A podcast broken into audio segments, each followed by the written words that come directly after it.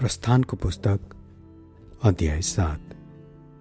तब परमप्रभुले मुसालाई भन्नुभयो हेर मैले तँलाई फारोको निम्ति ईश्वर तुल्य बनाएको छु र तेरो दाजु हारुन तेरो प्रवक्ता हुनेछ।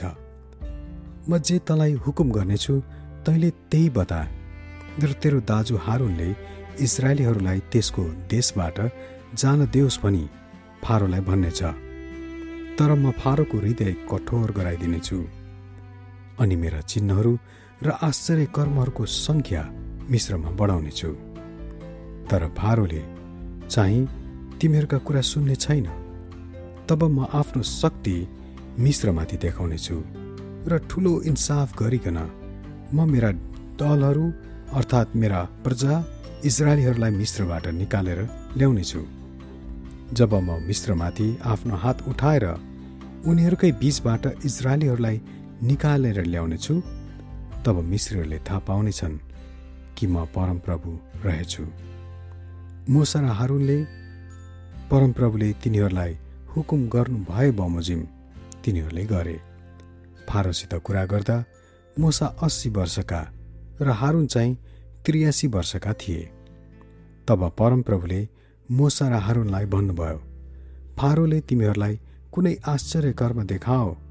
भन्दा तैँले चाहिँ हारुनलाई भन्नु तपाईँको लौरो लिएर फारोको सामु फ्याँकिदिनुहोस् र त्यो साँप बन्नेछ तब मोसा र हारुन फारो कहाँ गएर परमप्रभुले आज्ञा गर्नुभए बमोजिम गरे। हारुनले आफ्नो लौरो लिएर फारो र उहाँका अधिकारीहरूका सामुन्ने फालिदिए र त्यो साँप बन्यो। तब फारोले पनि ज्ञानी मानिस र टुनामुना गर्नेहरूलाई बोलाइ पठाए र ती मिश्रका जादुगरहरूले पनि आआफ्नो गोप्य सिपले त्यसै गरे। हरेकले आआफ्नो लौरो फाल्यो र त्यो साँप बन्यो तर हारुनको लौरोले उनीहरूका लौरालाई निल्यो। तर फारोको हृदय कठोर भयो र परमप्रभुले भन्नुभए अनुसार नै उनले तिनीहरूका कुरा सुनेनन्।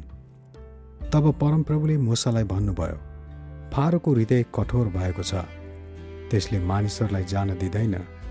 त चाहिँ बिहानै फारो नदीतिर गइरहेको बेलामा। त्यस कहाँ जा। निल नदीको किनारमा त्यसलाई भेट्न उभिरहनु र त्यो साँप बनेको लौरो पनि हातमा लैजा। त्यसलाई यसो भन्नु परमप्रभु हिब्रुका परमेश्वरले मलाई यसो भनेर तपाईँ कहाँ पठाउनु भएको छ?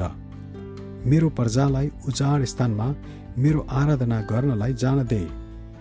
तर तैँले अहिलेसम्म मानिनस्। यसकारण परमप्रभु भन्नुहुन्छ म परमप्रभु हुँ भन्ने कुरा तैँले यसरी थाहा पाउनेछस्। हेर म निल नदीको पानी मेरो हातमा भएको लौरोले हिर्काउनेछु र त्यो रगत बन्नेछ। अनि नदीका माछा मर्नेछन् र नदी साह्रै गनाएको कारण मिश्रीहरूले त्यसको पानी खान सक्ने छैनन्।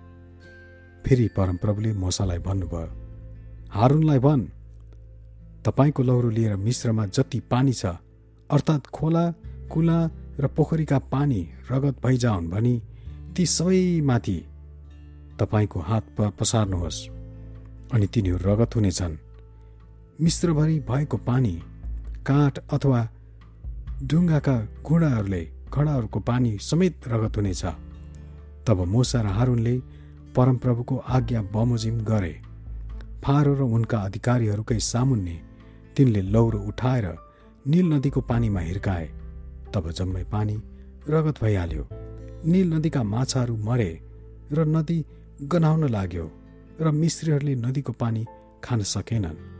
मिश्रको सबै पानी रगत भयो। तर मिश्रका जादुगरहरूले पनि आफ्ना गोप्य शिवद्वारा त्यसै गरे अनि परमप्रभुले भन्नुभए झैँ फारोको हृदय कठोर भयो र उनले तिनीहरूका कुरा सुनेनन्। तब फारो फर्केर आफ्नो महल गए अनि उनले यस कुराको ख्याल पनि गरेर राखेनन्। सारा मिश्रहरूले निलको वरिपरि पानीको लागि खन्न लागे किनभने निल नदीको पानी खान सकिँदैनथ्यो परमप्रभुको प्रहार नदीमाथि सात दिन रह्यो। आमेन।